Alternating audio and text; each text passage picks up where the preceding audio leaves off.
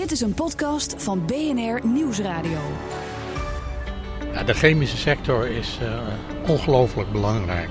Dat is omdat de chemie eigenlijk in alle sectoren een geweldig grote rol speelt. Hè. Dus of je over de farma praat, of je praat over de voeding, of je praat over de automotive sector. Overal gebeurt het met, met chemie. Hallo, fijn dat je luistert naar een nieuwe aflevering van BNR's Capitals of Chemistry. Een achtdelige podcast waarin we duiken in de wereld van chemie en innovatie. En deze podcast wordt mogelijk gemaakt door Axel Nobel. We proberen uit te vinden wat precies chemie is, of we zonder kunnen en hoe doet de Nederlandse chemie sector het in het internationale speelveld. Ik ben Edwin Mooibroek en ik ben nu onderweg naar Zuid-Limburg, naar Geleen. Naar het industriecomplex voor de chemische industrie Gemmelot. Verlaat de snelweg na 1 kilometer. Wat topsector eigenlijk doet is uh, partijen goed bij elkaar brengen. Dus bedrijven, universiteiten, maar ook samenwerking met de overheid. Om te zorgen dat de kennis- en innovatieagenda, maar er zijn ook andere zaken die aan de orde komen, uh, naar de toekomst toe. Waar de chemie wil staan straks in 2030, 2050. Dat we dat ook werkelijk bereiken. Emmel Meijer, u bent uh, boegbeeld van de topsector chemie. Het uh, topsectorenbeleid dat door het kabinet Rutte 1 in het leven is geroepen om de Nederlandse kenniseconomie te stimuleren. We zijn nu op het industrieterrein Gemmelot bij Geleen. Waarom heeft u ons hiermee naartoe genomen? Nou, dat is een mooie, mooie vraag. Eigenlijk twee zaken. Dus ik ben hier 25 jaar werkzaam geweest. Dus ik heb alle veranderingen ook gezien op dit terrein. En U bent hier directeur geweest ook? Ik ben directeur geweest. En moet je zeggen, dat gaat dan ook echt in je genen zitten. Dus daarna ben ik naar de voedingsindustrie gegaan. Maar je vergeet dit verleden eigenlijk nooit. Dit heeft je gevormd. En tweede is dat de veranderingen op deze site uh, zo mooi te zien zijn. Hè? Hoe hier open innovatiemodellen tot stand gekomen zijn hoe uh, verschillende industrieën ook in een transitiebeweging zitten. Uh, alle mogelijke zaken die vernieuwen op deze site zijn zichtbaar geworden. Ja, en dat vind ik ook wel eigenlijk heel mooi om, uh, om te laten zien.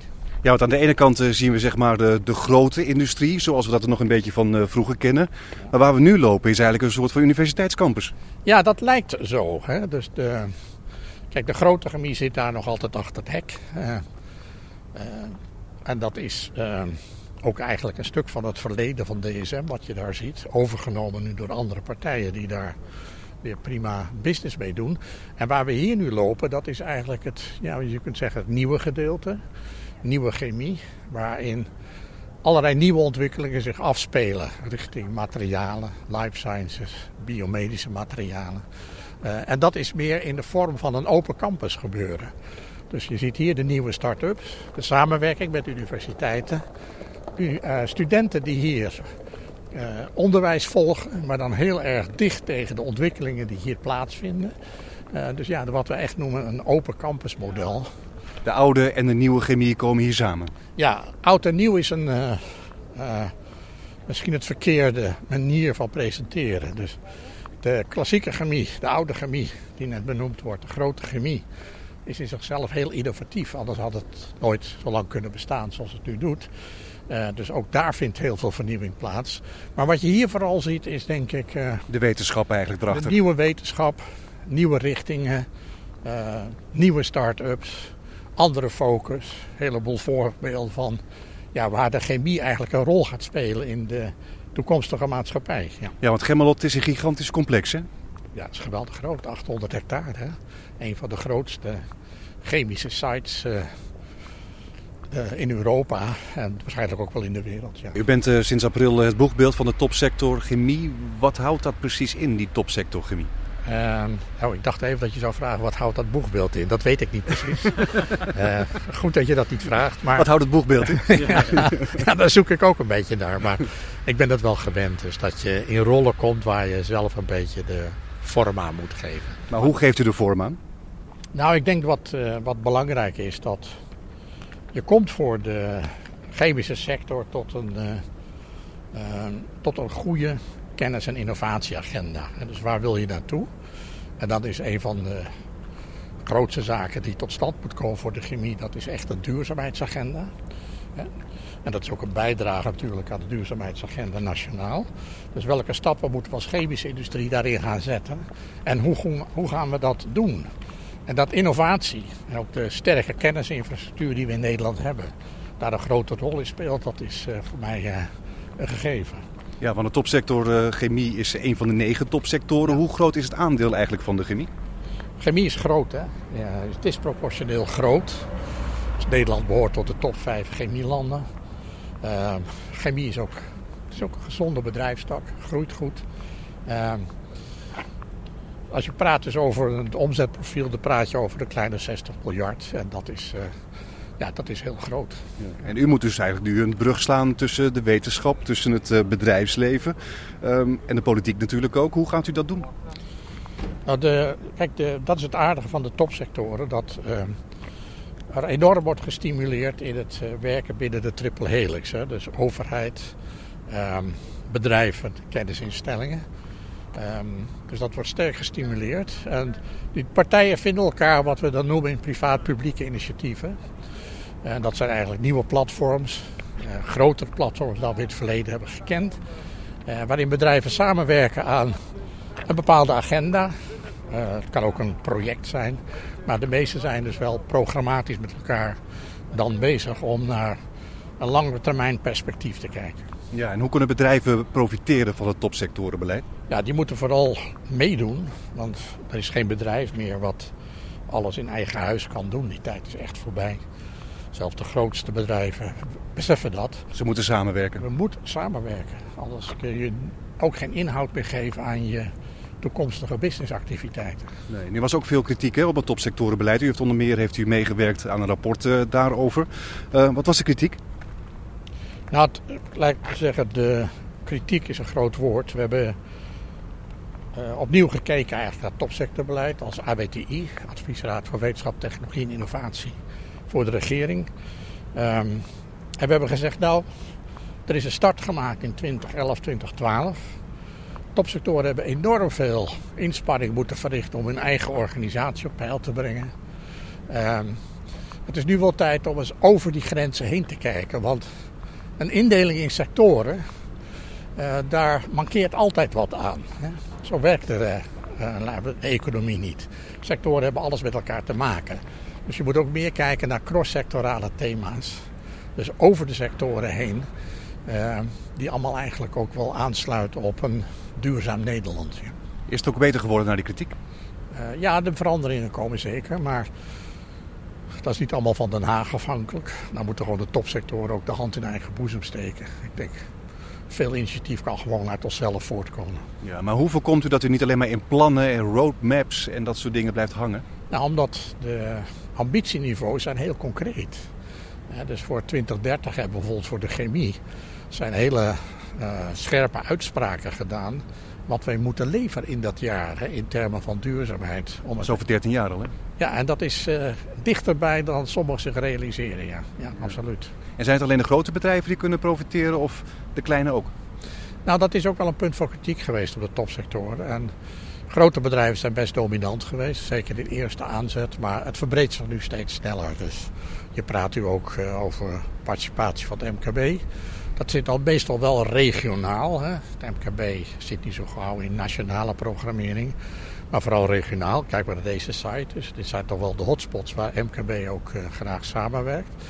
Uh, en je ziet natuurlijk ook de, de, de nieuwe start-ups uh, vragen om aandacht hè, binnen het topsectorbeleid. Dus en die aandacht komt er ook. En het zou raar zijn om dat niet goed te accommoderen in je beleid. Zullen we eens even bij een bedrijf gaan kijken? We gaan het uh, lab in, dus we moeten wat veiligheidskleding aan.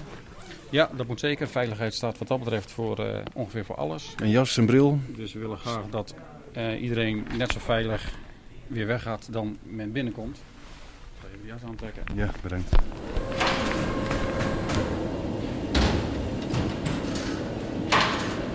Bert Groothuis van uh, Sabik, jullie zijn een groot bedrijf in de petrochemische industrie. Uh, we zien hier een grote plaat. We staan hier in een van jullie laboratoria. Wat gebeurt hier allemaal? Uh, hier worden zogenaamde composieten gemaakt. Dat zijn uh, lang glasvezelige materialen. die zorgen uiteindelijk dat onze klanten een buitengewoon sterk materiaal van ons kunnen, kunnen krijgen waaruit ze delen kunnen gaan vormen. Maar ik begrijp nog niet helemaal. Wat krijgen ze dan precies? Ze krijgen grote platen die ze zelf kunnen vormen tot delen die ze willen hebben. Dus je kunt uh, denken aan eh, onderdelen onder de, eh, onder de motorkap van, eh, van de auto of zelfs eh, onder de auto grote, sterke, lichte platen. De reden daarvoor is, is dat mensen eh, natuurlijk een veilige auto willen, maar ook steeds lichter, die zo energiezuinig mogelijk is. Ja, eh, vroeger werden hier grote, zware metalen platen voor gebruikt. Eh, nu kunnen de automobielfabrikanten dat maken eh, door lichte, sterke platen te gebruiken. Ja, maar ik zie, wat, wat doet het apparaat hier? Ik eh, zie daar een grote plaat onder een apparaat doorgaan. En wat doet hij dan precies? Eh, dit apparaat dat maakt uit eh, grote stroken composiet, eh, maakt die eh, een sandwich die op die andere machine straks eh, eh, op elkaar geperst wordt. En op die manier kun je eigenlijk eh, een heel eh, set van garens eh, op elkaar stampen. Zodat je, wat ik zei, een heel groot, eh, licht en sterk materiaal kunt, eh, kunt krijgen. Ja, die kan je dus onder meer gebruiken voor eh, auto's. Maar u maakt hier ook korrels, hè? Ja, het basismateriaal is korrels. Wij maken eh, U ze bij u. Ja, het zijn gewoon witte, witte korreltjes. Ja, het zijn inderdaad witte korreltjes dat eigenlijk de bouwsteen is voor enorm veel toepassingen. Dit is een van de toepassingen, maar je kunt eigenlijk voorstellen dat eh, voordat je en nadat je op bent gestaan, eh, s ochtends. Dit is een test van de oproepinstallatie vanuit de centrale meldkamer. Goed, nou, die werkt dus. Die, eh, eh, die werkt inderdaad. Eh, dus deze korrels zijn de, de bouwstenen tot heel veel toepassingen. Dan kun je inderdaad denken aan je mobiele telefoon, maar je kunt ook aan iets denken als je tandenborstel en als je naar je werk gaat. Eh, tussen 7 en 9 heb je denk ik al iets van 150 kilo aan plastics gebruikt. Dit zijn gewoon plastics die, waar mijn tandenborstel van wordt gemaakt en mijn mobiele telefoon. Eh tandenborstels, mobiele telefoon in de automobielindustrie, in de medische industrie. Dus eigenlijk heel veel industrieën eh, is kunststof eh, dusdanig belangrijk geworden dat we eigenlijk niet meer zonder kunnen. En wellicht ook niet zonder willen. Die korreltjes die worden opnieuw op, opgesmolten tot een soort dikke stroop. En die dikke stroop die kun je dan vormen tot eigenlijk welk deel je ook maar, maar wilt. Ja. Wat merkt u eigenlijk van het topsectorenbeleid in Nederland? Het topsectorbeleid is eh, voor ons buitengewoon belangrijk. Eh, met name de samenwerking tussen zowel de universiteiten eh, als ook de overheid en het bedrijfsleven. eh, geeft ons de mogelijkheid om eh, snel te reageren op, eh, op trends, snel innovaties eh, te doen. Eh, Maar sneller dan vroeger, voor, toen dat beleid er nog niet was? eh, in elk geval veel sneller dan, eh, dan vroeger. Eh, eh, als je kijkt dat eh, vroeger de ontwikkeling van een mobiele telefoon van de ene generatie naar de andere generatie eh, drie jaar is, dan ligt het nu bij drie maanden. En datzelfde geldt eh, eh, eigenlijk voor elke industrie. De, de omwentelingssnelheid eh, is heel hoog geworden. En dat komt omdat er meer wordt samengewerkt? Dat niet elk bedrijf het alleen doet? Dat komt omdat de wensen van de klant steeds en ook steeds sneller veranderen. En dat betekent dus dat wij als industrie, als hele waardeketen, steeds sneller moeten kunnen reageren. En dat kan je niet alleen. En dat kun je zeker niet alleen. Dus is samenwerking absoluut noodzakelijk. Ja. Werkt dat goed al? Eh, ik denk dat het steeds beter gaat, eh, gaat werken. Dat klinkt nog een beetje voorzichtig. Eh, nou, dat klinkt in zoverre voorzichtig dat ik eigenlijk wel zou willen dat als je kijkt naar de toekomst, dat we nog veel meer moeten samenwerken. We zullen veel meer met universiteiten nog moeten gaan samenwerken dan wat we doen. Om de goede mensen daar vandaan te kunnen halen of om meer ontdekkingen te doen? Met name dat laatste. Kijk, natuurlijk zijn de universiteiten een bron van, van nieuwe werknemers, maar ook op dit moment eh, gebeuren veel innovaties samen met universiteiten. En ik wil dat eigenlijk alleen maar meer en meer eh, gestimuleerd zien. En daar zorgt het uh, topsectorbeleid zeker voor. Ja, wat zou er voor u nog kunnen verbeteren? Wat zijn uw belangrijkste uitdagingen? Uitdagingen zijn met name, waar ik het net over had, de, de snelheid. Ja, we doen veel met universiteiten. Um, en we zijn natuurlijk een, als Sabic een mondiaal bedrijf. Dus wij zouden in feite kunnen kiezen uit welke universiteit ter wereld dan ook. Wat ik heel graag zou willen, en ik denk dat het topsectorenbeleid daar, daar helpt, is dat we nog veel meer met Nederlandse bedrijven en Nederlandse universiteiten kunnen samenwerken. Dat betekent dat we daar absoluut het uh, topniveau moeten halen van, uh, van onderwijs, van fundamenteel onderzoek, maar ook zeer zeker toegepast onderzoek. Dat is absoluut belangrijk om dat, om dat verder te stimuleren dan dat we nu doen. Emma Meijer, u hoort het, de samenwerking met universiteiten kan nog beter. Ja, nou ben ik uh, 30 jaar deeltijd hoogleraar geweest, dus ik ken ook de universitaire wereld goed. En de focus van de universitaire wereld is natuurlijk altijd anders geweest. Hè? Uh, veel uh, fundamenteel onderzoek, lange termijn, horizon. Um, dus om je te bewegen in een interactie met het bedrijfsleven, dat vroeg wel wat. Hè? Dus, maar ik denk wat we nu gezien hebben in de afgelopen zeg, 10, 20 jaar, is toch uh, dat partijen enorm zijn opgeschoven. Hè? Waar vroeger, kun je wel zeggen, ze met de rug naar elkaar toe stonden, die tijd is echt voorbij. Maar binnen de samenwerking vind ik ook altijd moet je elkaars rollen respecteren. Dus Iemand die in het fundamentele onderzoek op de universiteit werkt, die heeft een andere manier van kijken naar uh, het onderzoek wat gedaan moet worden dan vaak een bedrijf met een korte termijn horizon. Maar uh, een bedrijf heeft zijn eigen strategie, zijn eigen visie. En als het respect over en weer niet bestaat, dan gaat zo'n samenwerking nooit lopen. Maar als je begrijpt hey, hoe mensen uit een andere wereld kijken naar de samenwerking, dan heb ik daar prachtige voorbeelden van gezien. Ja, Bert Groothuis van Sabek, er moet dus nog een kloof overbrugd worden. Uh, ik denk vooral dat, uh, dat de samenwerking verder gestimuleerd moet worden. En ik denk dat uh, zowel de bedrijven als de universiteiten daar het belang van, van inzien. Zowel op korte termijn, maar zeker ook op de, op de langere termijn. als wij meer naar een biobased economy willen, dan zullen we, en dat doen we ook graag, samen moeten werken met de universiteiten, met het bedrijfsleven. De overheid kan daar een, een rol in, in, spelen. Dus de triple helix waar al naar gerefereerd is, is buitengewoon belangrijk. Zullen we nog even bij een ander bedrijf kijken? Ja, doe maar. En bij het volgende bedrijf opnieuw de veiligheidsbril. Essentieel. ja, dit ziet er echt uit als een lab. Ja, dit is een echt lab. Ja. Ja, Roel Huis in het veld, u bent van uh, Crea Materials. We zijn dus nu inderdaad in een echt lab met allemaal ja, poedertjes, uh, apparaten, reageerbuisjes. Dat klopt. Um, nou, dit is eigenlijk het hart van onze onderneming. Hè. Wij doen heel veel in R&D. Ik zal u even een beetje een idee geven van wat wij doen. Um, wij werken aan een uh, aantal uh, zaken. In onze missie zeg maar, en visie van ons bedrijf zitten een aantal dingen fundamenteel besloten. Dat is één, wij willen minimaal gebruik maken van grondstoffen. Uh, twee, willen wij een positieve impact hebben om een aantal uh, grote uitdagingen waar we voor staan. Denk maar uh, aan societal challenges, zou je zeggen. Dat zijn een heleboel dure woorden bij elkaar, maar wat doet u eigenlijk hier? Ja, nou, dat is heel eenvoudig. Wij maken systemen, producten, coatings of composietmaterialen op basis van onze eigen nanodeeltjes. En het doel daarmee is eigenlijk om energiebesparing te, uh, te organiseren. Dus bijvoorbeeld wij houden warmte buiten gebouwen en auto's, waardoor je dus minder energie gaat verbruiken voor je airco. Wij maken uh, oppervlaktes multifunctioneel, waardoor bijvoorbeeld zonnecellen veel meer energie kunnen leveren. wij maken materialen waardoor meer licht uit de lamp treedt. En hoe doet u dat dan? Ja, dat is heel eenvoudig eigenlijk. u moet zo zien, wij maken hele kleine deeltjes, nanodeeltjes, die zie je niet. Hè? Dus die zijn voor het oog optisch transparant. En die combineren wij vervolgens met chemie, organische of anorganische chemie, afhankelijk van wat onze klant wil.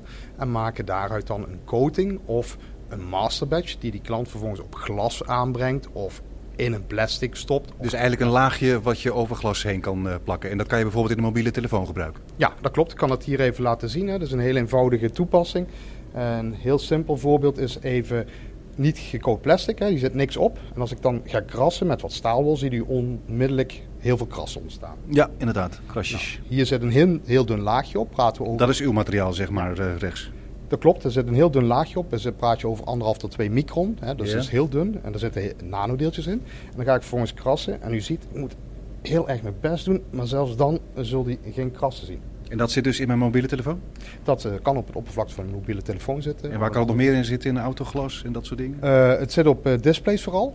Hè. In autoglas praten we dan weer over een ander soort toepassing. Ehm, dat is in dit geval bijvoorbeeld een warmte-effect. Ja. Dus ik heb hier een, een demonstratie waarbij je net zoveel energie zeg maar, uit een lamp haalt als je uit het normale zonlicht in Nederland hebt. Dat is ongeveer een 300... Een, een rode lamp hier hè? Ja, dat is een infraroodlamp. En dan ziet u op de meter ongeveer 300 BTU, dat is een energieeenheid. En dan moet u opletten wat er nu gebeurt. Ik heb hier een aantal voorbeeldjes waarbij nanodeeltjes coating zeg maar, op onze op plastic zitten. En u ziet de hoeveelheid energie reduceert zich van 300 naar slechts 26. Ja, het zegt mij helemaal niks. U houdt hier nu eerst voor de rode lamp. En wat gebeurt er dan? Ik zie ja. niks. U haalt 80% van, het, uh, van de warmte uit zonlicht. Oké. Okay. Ja, dat betekent dat ik binnen de energie uh, van mijn airco serieus kan reduceren. Nee, u plakt het op de voorruit. Of op de ruit van uw auto. Oh. Ja? Of het zit tussen de ruit. Ja? Dus het voorbeeldje zit tussen de ruit. Nou, u ziet niks. Het is gewoon optisch transparant glas. Maar door onze nanodeeltjes die erin zitten... haal je dus wederom een significant deel van de warmte uit het zonlicht. En dat betekent gewoon brandstofbesparing, CO2-emissiereductie. En dat kun je dus toepassen voor auto's, voor, uh, maar ook voor gebouwen. Okay. Nou ja, verder uh, spelen wij uh, heel veel met optica. En optica is hier een mooi voorbeeldje. Als je goed een foto? Ja, een foto. Maar er zitten twee uh, filmpjes voor. De ene kant is gecoat, de andere kant is niet gecoat. De ene kant is wat helderder dan de andere kant? Juist. En de ene ziet u zelf niet. Het spiegelt niet. Eh, helemaal correct, ja. Dus dat is een antireflectie-effect. Ja? Dus dat zijn, is een voorbeeldje. Nou, als je dat nou bijvoorbeeld toepast op een, eh, het glas wat op een zonnepaneel gedaan wordt, hebben wij daar niet alleen dat antireflex-effect. Maar een van de grote problemen die er is voor zonnepanelen, is dat je ze eigenlijk wil zetten op gebieden of in gebieden waar het heel droog is en waar veel stof voorkomt. U uh, gooit er nou wat poeder op? Nou, dat is gewoon zand, hè, Zand, oké. even heel simpel gezegd. En dat is een hele simpele demo, maar het effect eh, zal u zo meteen duidelijk worden. Ja, dus dit gebeurt er letterlijk in de woestijn. Hè. Er wordt eh, de hele tijd zand zeg maar, gestraald op het, eh, op het zonnepaneel. En op gewoon glas blijft dat Blijft het liggen. En in ons geval, wat gecode is, niet. Het is inderdaad schoon. Ja. En dat eh, heeft weer een positief effect op hoeveel energie ik met dat zonnepaneel opwek. Want eh, inderdaad, als er heel veel eh, zand op zit, dan gebeurt er niks natuurlijk. Nee, er gebeurt niks. Minder in elk geval. Je rendement loopt Je, je rendement loopt enorm terug. En twee, eh, het scherm wordt extra warm. En zowel warmte als stof heeft een negatief effect op de efficiëntie van je zonnepaneel. Je kan het dus voor heel veel dingen gebruiken. Ja, hè, dus ons deeltje en onze chemie is multi-inzetbaar. En wij richten ons, zoals ik net uitlegde, eh, op, dat, eh, op een vijftal markten.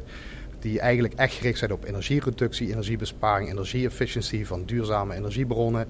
Eh, nou ja, hè, verbetering van lichtextractie uit lampen. Dus gewoon meer licht voor dezelfde hoeveelheid energie die je in die lamp stopt.